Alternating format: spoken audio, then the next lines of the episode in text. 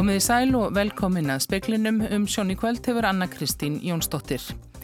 Grímuskylda verður um allt land frá næsta þriðudegi. Takmarkanir á sótvarnaraðstöfum verða hertar á landsbyðinni en verða þó ekki einn strángar og á höfuborgarsveðinu sangkvæmt breytingum sem heilbyrðisráð þeirra hefur samþygt.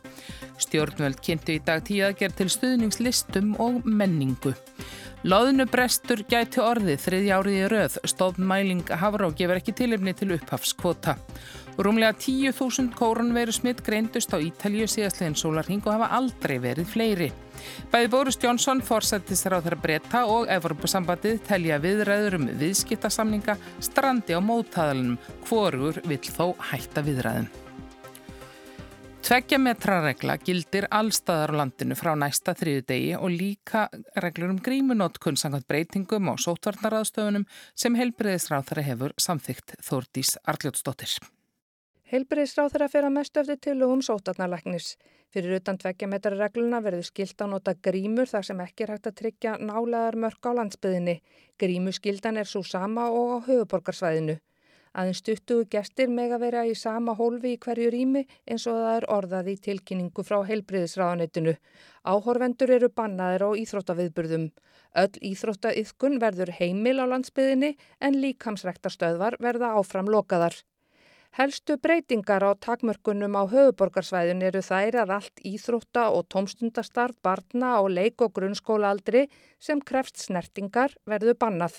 Skólasund verður óheimilt Íþróttæfingar og keppni sem krefjast snertingar verða óheimilar bæði innan og utanhús hjá börnum, jamt og fullornum. Hins vegar geta golfiðgendur líklega glaðst því lagtir til að íþróttaiðkun sem ekki krefst snertingar verði heimiluð á höfuborgarsvæðinu. Hámorgsfjöldi þáttakanda er 20 og virðaskalt tveggja metra nándarmörk. Áhorvendur verða vitanlega bannaðir. Sá sem lést úr COVID-19 og landsbítalum í gær var á nýraðis aldrei að sögn Þóróls Guðunarssonar sótvarnalæknis. Stjórnvöld kynnti í dag aðgerði til að koma til móts við listamenn sem hafa orði fyrir tekjumissi vegna COVID-19. Listamenn geta meðal annars sótt um tekjufallsstyrki sem stjórnvöld gerir ráð fyrir að verja um 14 miljardum króna í. Forsættisráður á menta og menningarmálar á þeirra kynntu í dag ásand fulltrúum bandalags háskólamanna og bandalags íslenska listamanna tíu stuðningsaðgeri fyrir listur og menningu veitna koronaviru faraldusins. Lílettök Alfredsdóttir menta og menningarmálar á þeirra sagði á fundinum að mörg ríki ráðist nú í slíkar aðgerir. Við byrjum mjög snemma og við teljum að það er aðgeri sem við erum að fara að kynna hérna núna séu með því besta sem gerist á Norðurlöndunum. Aðgerðna sem kynntar voru í dag er að bæta stöðu listamanna og menningatendra fyrirtækja en átt af hverjum tíu listamennum á Íslandi hafa orðið fyrir tekjufalli í faraldrinum samkvæmt niðurstöðum konnunar BHM. Meðal þess sem á að gera er að framlengja bæði tímabundna hækkun starfslöna og styrkja fyrir árið 2021 og tímamörk verkefna styrkja til menningamála fara á í vitundar vakningu um mikilvægi lista og menningar hér á landi, stopna á söðislistamiðstöð og tónlistamiðstöð og þá geta listamenn sóttum með rekstra styrki til að mæta teiku samdrætti. Það er aðgjör sem kynntar hafa verið hinga til, þær hafa ekki verið að gagnast þessum hópi, en þetta snýst um það að listamenn geti með einföldum og já, auðveldum hætti sótt um slíka styrki, sínið er fram á það að þeir hafi orði fyrir tekjufalli á árunnu 2020 þannig að komi verið til móts við þess að aðla sem auðvitað eðlimálsangat hafa ekki verið að halda tónleika, hafa ekki verið að setja upp leiksýningarnar sem ætlunin var að setja upp, hafa ekki verið að skemmt okkur með hefbundum hætti og auðga líf okkar á anda þannig að þetta er gríðarlega mikilvæg aðgjör til að brúa þetta byll. Saði Katrín Jakobsdóttir, Yngvar Þór Björnsson tók saman. Rætt verður við Erling Jóhannesson, forseta bandalags íslenskara listamanna síðar í speklinum. Hafaransóknastofnun treysti sér ekki til að mæla með upphafskvota loðnu fyrir þessa vertíð. Svo getur farið að loðnu brestur verði þriðja árið í röð. Rannsóknarskipið Árni Fridriksson og norska uppsjávarskipið Eros mældu um 344.000 tonna veiðistofn í fjögur að vikna leiðangri. Þegar búið er að taka tillit til óvissu, afráns annara tegunda og fleiri þátta sem hafa áhrif á stopnin á næstu mánuðum, er ekki talið mögulegt að skilja eftir 150.000 tonn til hrigningar. Kvóti er ekki gefin út nema það sé hægt. Lónubrestur varð undanfarnar tvær vertíðir og allir tekjumissi víða. Góðar vonir voru um að nú er þið gefin út kvóti því samkvæmt ráðgjöf frá 30. november var mælt með 170.000 tonna upphafskvóta. Það byggði á mælingu á unglóðnu haustið 2019 en óvisa í þeirri mælingu var mikil. Sama gildi reyndar um nýju mælinguna. Fram kemur í tilkynningu frá Hafrannsóknarstofnun að veður og hafís á norðanverður rannsóknarsveðinu hafi hindrað leitt en stundum hafi mátt finna loðnu í námunda við hafísin. Því gæti kynþróska hlutistopsins verið vanmetinn. Hafrannsóknarstofnun mælir veðistofn loðnu aftur eftir áramót og endur skoðar þá ráðgjöfina. Rúnar Snær Reynisson sagði frá. Ef Bólungavíkur köpstaður, Ísafjörðabær og Súðavík saminast, greiðir ríkið saminuðu sveitarfélagi 1,2 miljardar króna. Formaður bæjaráðs Ísafjörðabær segir þessi skilda sveitarstjórna vestfjörðun að vinna betur saman og umtalsverðir fjármunni séu í húfi. Sveitarfélög sem saminast frá umtalsverða fjárhæði styrki frá ríkinu til að greiða götu saminningar. Sangamt reglum fylgja 600 miljónir Ísafjörðabæ, 465 miljónir Bólungavíkur kaupstað og 110 Súðavíkur heppi. Daniel Jakobsson, formaður bæjaráðs Ísafjörðabæjar, segir mikilvægt að máli verði skoðað af alvöru. Já, ég í sjálf segir kannski bara vekja aðbyggla á því að það er búið að semja reglur sem að segja það að ef að þessi þrjú sveitafélug saminast þá eru 1200 miljónir í bóði frá ríkisjóði til þess að stiðja við sammenninguna og mér finnst það þá skilda okkar bæja fulltrúa og íbúa hérna að kanna það hvort að það sé ekki tilum til þess að vinna betur saman og sammennast og, og fá þá þessa peninga sem við fáum ella ekki. Hvernig finnst þið hljóðu vera já, bæði íbúum og sveitastöndum fólki varðandi þessar pælingar? Ég held að í minni beðunum þá óttist fólk uh, það að sammennast við stærri sveitafélög og það er alveg skilja að fólk óttist sammenningu að þetta verði yfirtaka og þess vegna held ég að verkefni sé í raun og veru þá að búa þannig um hnútana að kanna hvort það sé vilja á þessu og hvernig að það með það koma til móts við minni byggðakjarnar þannig að þeir upplifu þetta ekki sem yfirtöku. Saði Daniel Jakobsson, Óðinn Svan Óðinsson tók saman. Franska lögreglan hefur ekki staðfest frétt franskra fjölmiðlaum að maður hafi verið hálshögvin í einni af útborgum Parísar síðdeis, einungis að hann hafi verið myrtur. Hinn látni var sögukennari sem hafi sínt nefnendum skopmyndir af Múhammed Spámanni. Lögregla skaut ódæðismannin til bana. Málið er ansakað sem hriðverka árás og er talið tengjast réttarhöldum í París vegna árásar á rittstjórnarskrifstofur tímaritsins Charlie Hebdo fyrir fimm árum. Tíu þúsund kórunveru smitt greindust á Ítalju síðastlegin sólarring hafa aldrei verið fleira á svo stuttum tíma. Stjórnvöld Ítalju íhuga koma á útgöngubanni eftir tíu á kvöldin. Ástandi vegna farsóttarennar fyrir hriðversnandi á Ítalju, engum í Campania, Piedmont og á Langbarðalandi. Tíu þúsund og tíu smitt voru greint síðastlegin sólarring sem er met fjöldi þriðja sólarringin í röð. 55 létust af völdum COVID-19. Þegar ástandið var sem verst á Ítalíu í vetur greindust 6.557 smitt á einum degi í mars. Mun fleiri síni eru tekið núna að þau voru 150.000 í gær. Stjórnvöldi Róm hafa ekki kynnt nýjar ástafanir vegna þessara tíðinda. Að sögnum dagbladsins Corriere della Sera kemur til greina að skikka fólk til að halda sig heima eftir tíu og kvöldin. Einnig kemur til greina að loka miðskólum tímabundið og taka upp fjarkennslu. Ekki er talið koma til greina að beita jafn harkalegum aðgerðum og síðastliðin vetur þegar fólki var bannað að fara út nema til að sinna brínustu erindum. Haftir eftir Giuseppe Conte forsættis er á þeirra að slíkt myndi hafa of alvarlegar afleðingar fyrir efnahagslíf þjóðarinnar. Ríkistjórnin hefur verið bóðu til fundar á morgun til að ræða viðbröð við ástandinu. Ásker Tómasson saði frá. Íbor í Breiðdal þurfa að sjóða allt neistlu vatn til öryggis vegna vísbendinga um kóligerla í vassveitunni. Á vef fjárðarbygðar segir að ekki sé talið að fólki stæfi hætta af þeirri mengun sem þó hefur mælst en unnið sé að sína tökku og greiningu og neytendastofa varar við ófullnægandi andlitsgrímum til dæmis hafi verið seldar grímur í kössumertum fyrirtæki í síle sem veit til litla sem enga vörn. Grímur sem eru gerðar og tveimur gagsægum lögum og síja lítið sem ekkert segir í tilkynningu neytendastofu. Allar grímur sem seldar eru neytendum eiga að vera CE-mertar. Afleðingar sótvarna vegna kórunveru farsóttarinnar hafa lagst þungt á listamenn og í dag voru kynntar aðgerð til að styðja listir og menningu á tímum COVID-19. Aðgerðunum ætlað að bæta stöðu starfandi listamanna og menningartengdra fyrirtækja. Undir er falla meðal annars tekjufalls styrkir fyrir einirkja og minni rekstrar aðila og eiga reyndar við fleiri en listamenn. Fér sem mögulega verður vari til þessara styrkja gæti orðið á 15 miljard. Elling Jóhannesson er fórseti bandalags íslenskara lista listamanna Elling gefa þessar aðgerður listamönnum vonarglætu? Já, það er hægt og, það er, það er ótt að segja það sko. Þetta er búið að hérna, vera, já við viljum segja kannski bara fyrir sjámanlegt í hansi langan tíma.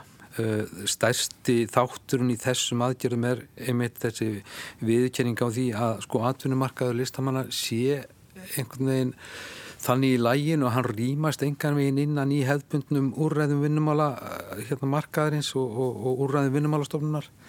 Eh, það við höfum reyndar haldið í fram alveg frá upphafi að, að hérna, við séum nánast eins og hérna Gólmbur í náminni hvað það var þar þetta sé mun stærra svæði og það sé hérna töluvert af þessu svona atvinnu umhverfi sem að hefðbundin úrræði bara ná ekki til en við höfum fundið sko hraustlega fyrir þessu alveg frá fyrsta degi sko. Já, þá var ég mitt sagt frá því morgun konum sem var gerð meðal fólk sem starfar í, í listum og, og menningu og við höfum BHM mm. og þar voru sko 8.10 sem orðið fyrir einhverjum tekjumissi en, en það kom líka fram eins og vikur aðeins af að, að það voru margi sem hefur sko sótt um atvinninsbætur ekki fengið að fullu eða, eða alls ekki þannig að þetta hefur verið mm -hmm. svona erfitt að máta sig inn í það sem þó fyrir var.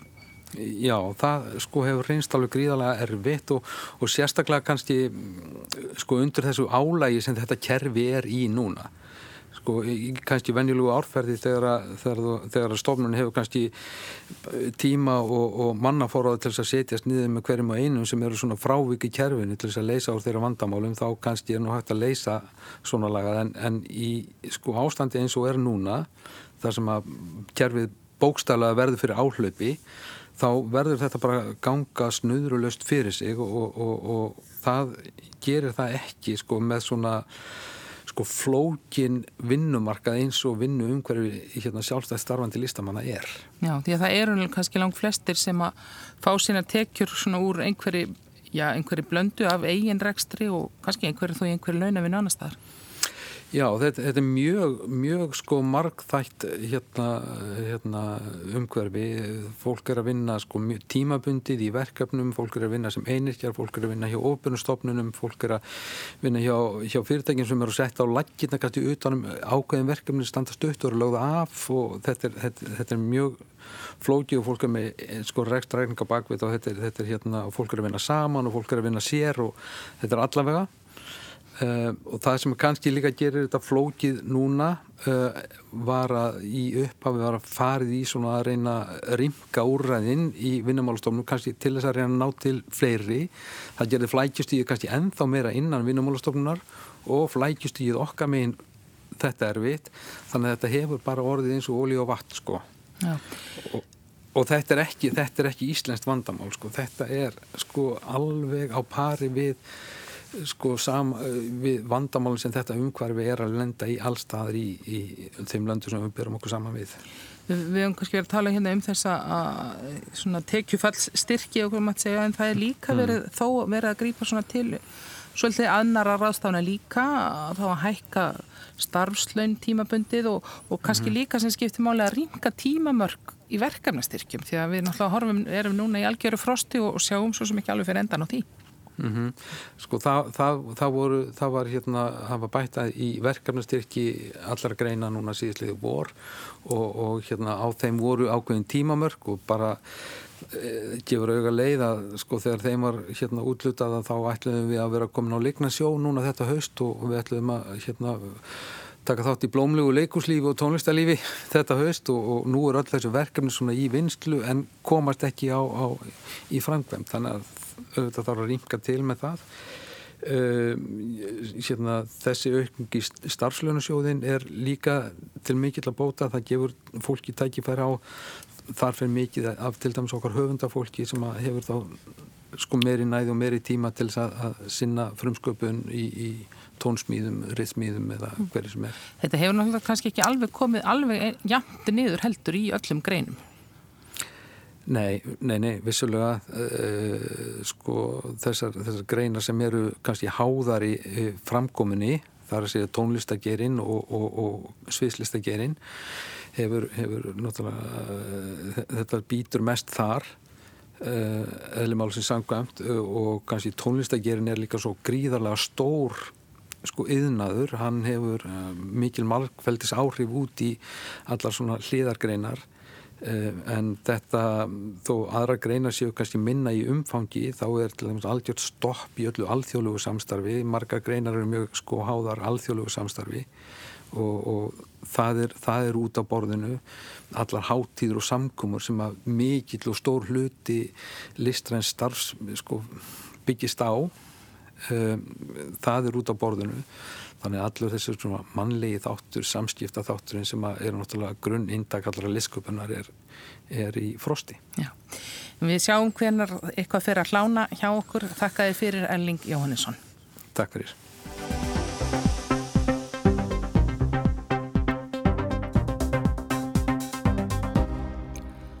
Danska ríkistjórnini hefur fyrirskipað að allir mingar verði drefnir á búum þar sem koma hafa upp korunveru smitt.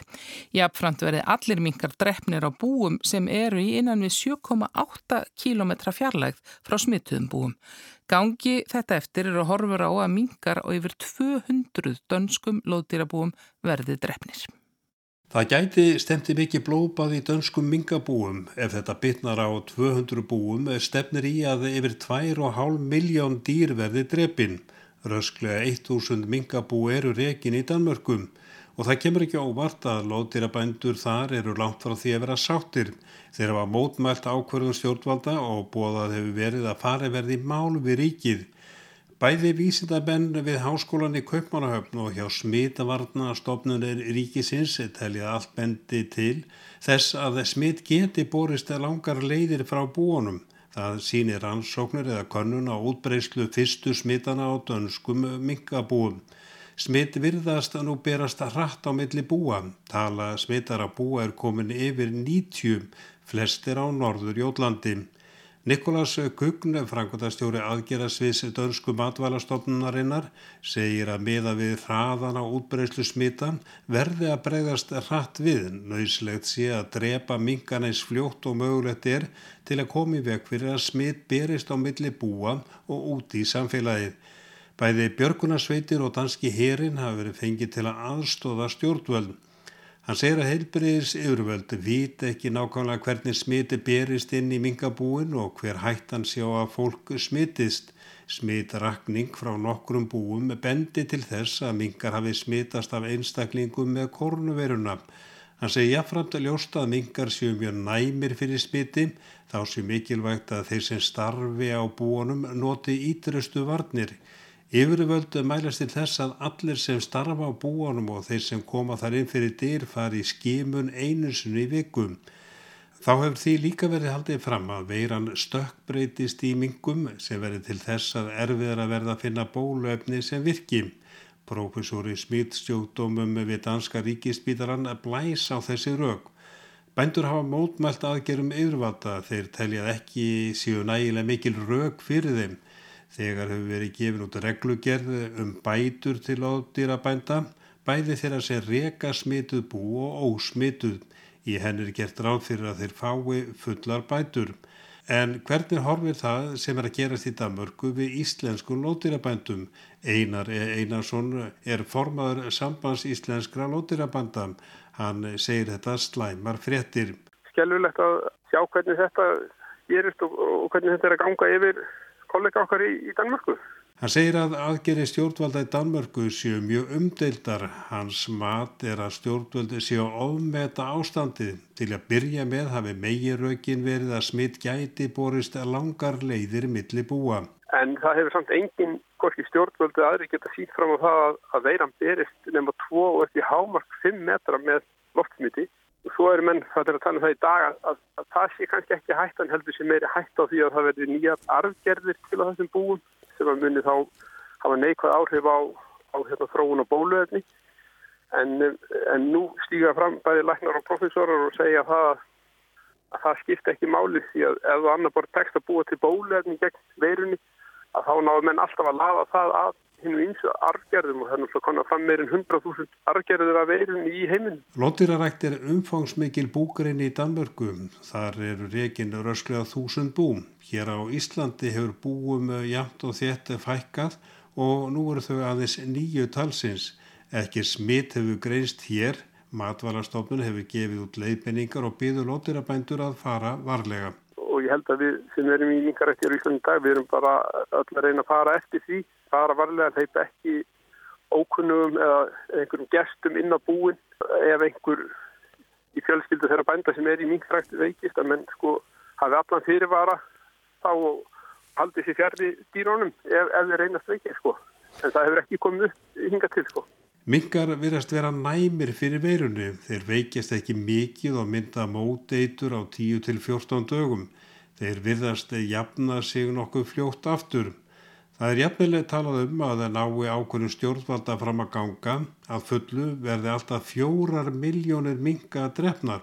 Þannig að uh, það gæti stemti mikið blóðbað. Já sko ef að þessar tölur ganga eftir sem að menn eru með í, í fjölmiðlum í dag þá verður þetta alveg svakaleg blóðtæka en um, það er ekki búið að drepa nema mjög lítið hinga til þegar stjórnvöld fór á stað þarna fyrir mjög viku síðan og þá töluður um þetta er því miljón í sem þetta aflífa á 100 búum og síðan hafa töluðna hækka en um, þess aðgerðir er að ganga mjög hægt og það eru það er mætið mikið ansbyrnu og ég veit ekki hvernig þetta áttur að þróast til enda hjá því. Sagði Einar E. Einarsson, Arnar Páll Haugsson talaði við hann.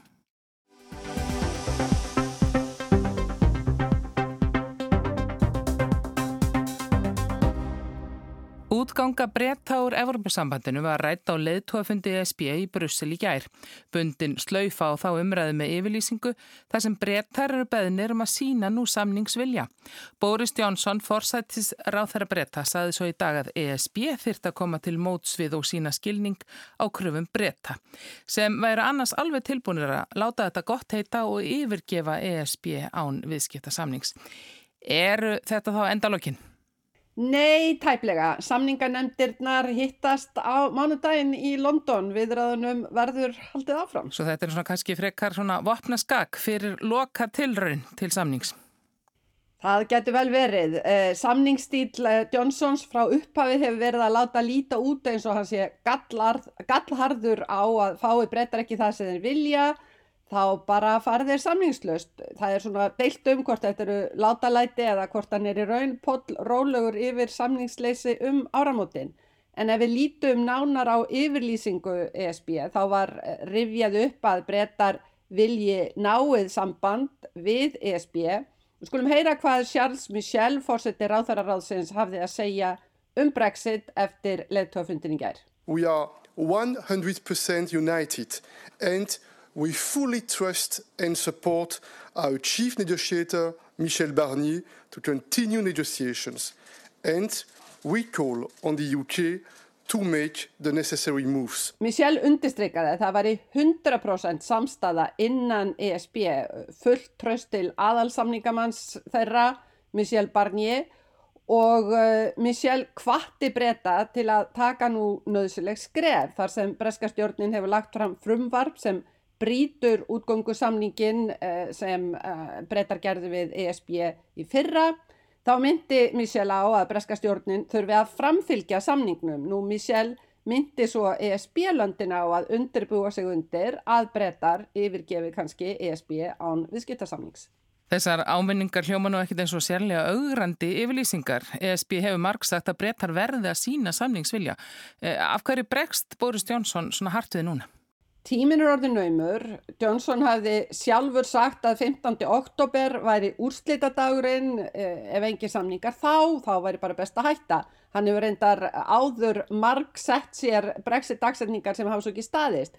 En það var kannski líka eitt sem vantaði í yfirlýsingu ráðherraráðsins frá í gær og sem talið er að breska stjórnin hafi stúsa við. Það er allavega atriði sem David Frost, aðalsamningamæður breyta, nefndi í týsti í gær þetta að ESB hefði sagt eftir viðræður Johnsons og Ursula von der Leyen fórsetta framkvæmdastjórnar í byrjun oktober að viðræðurnar erðu ákafar og þetta orð uh, á ennsku intensively það var ekki yfirlýsingun í gær svo já það verður sem stjórninni hafi þótt ESB yfirlýsingin eitthvað döfleg en við skulum líka heyra hvað Johnson sæði svo í dag.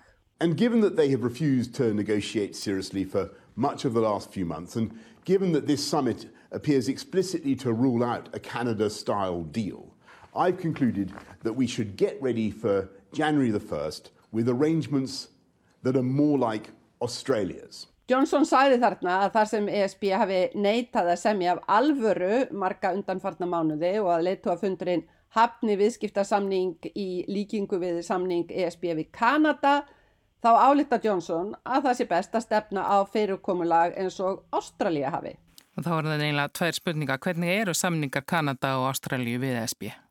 ESB og Kanada gerðu með sér fríverslunarsamning 2014 en eins og gildar um fríverslunarsamninga þá eru þessi samningar sérsniðnir fyrir þessa aðila sem gera samningana og sjónar með Evropasambansins er að munurinn á Breitland og Kanada sé til dæmis á að Breitland er næsti nágranni Evropasambansins og samkeppnisreglur skipti öllu og þetta er einmitt helsta ásteytingarefni þessar, uh, þessar samkeppnisreglur svo viðbútu fiskveðar.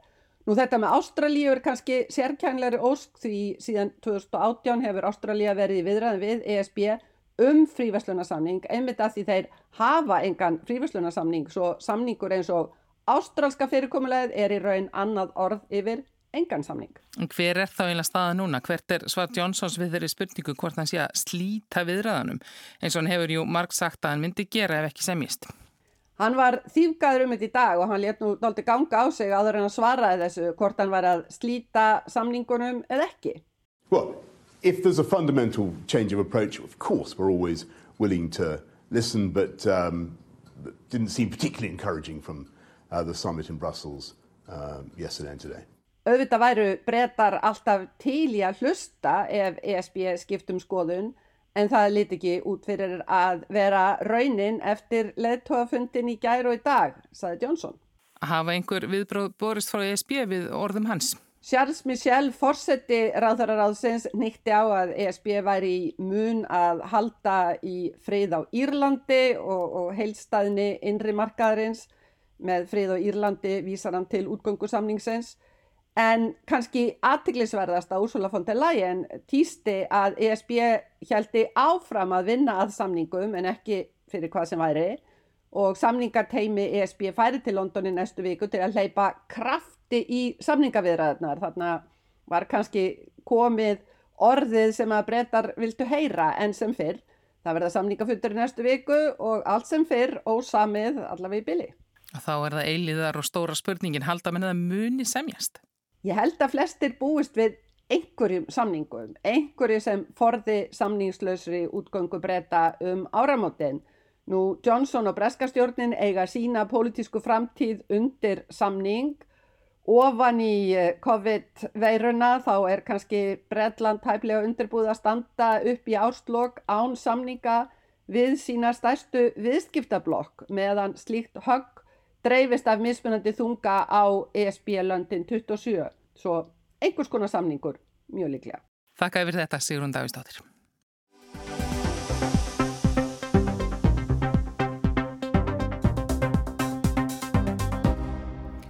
Og veðurhorfur eru þær að það verður norðanátt 3 til 8 metrar í kvöld og léttskíð á sögnanverðu landinu, lítilsáttar rigning norðan og austanlands. Hæg, söðlegaði breytileg 8 á morgun, söðvestan 8 til 13, norðvestan til síðdeis. Bjart með köplum á norð-austulandi, annars skíjað og dáli til væta setnipartin. Hitt verður bylunu 2 til 9 stig og mildast verður við söður og vestur ströndina. En það er ekki fleira í speklinum í kvöld. Tæknum aðri útsendingu var Magnús Þorstein Magnússon. Verið í sæl.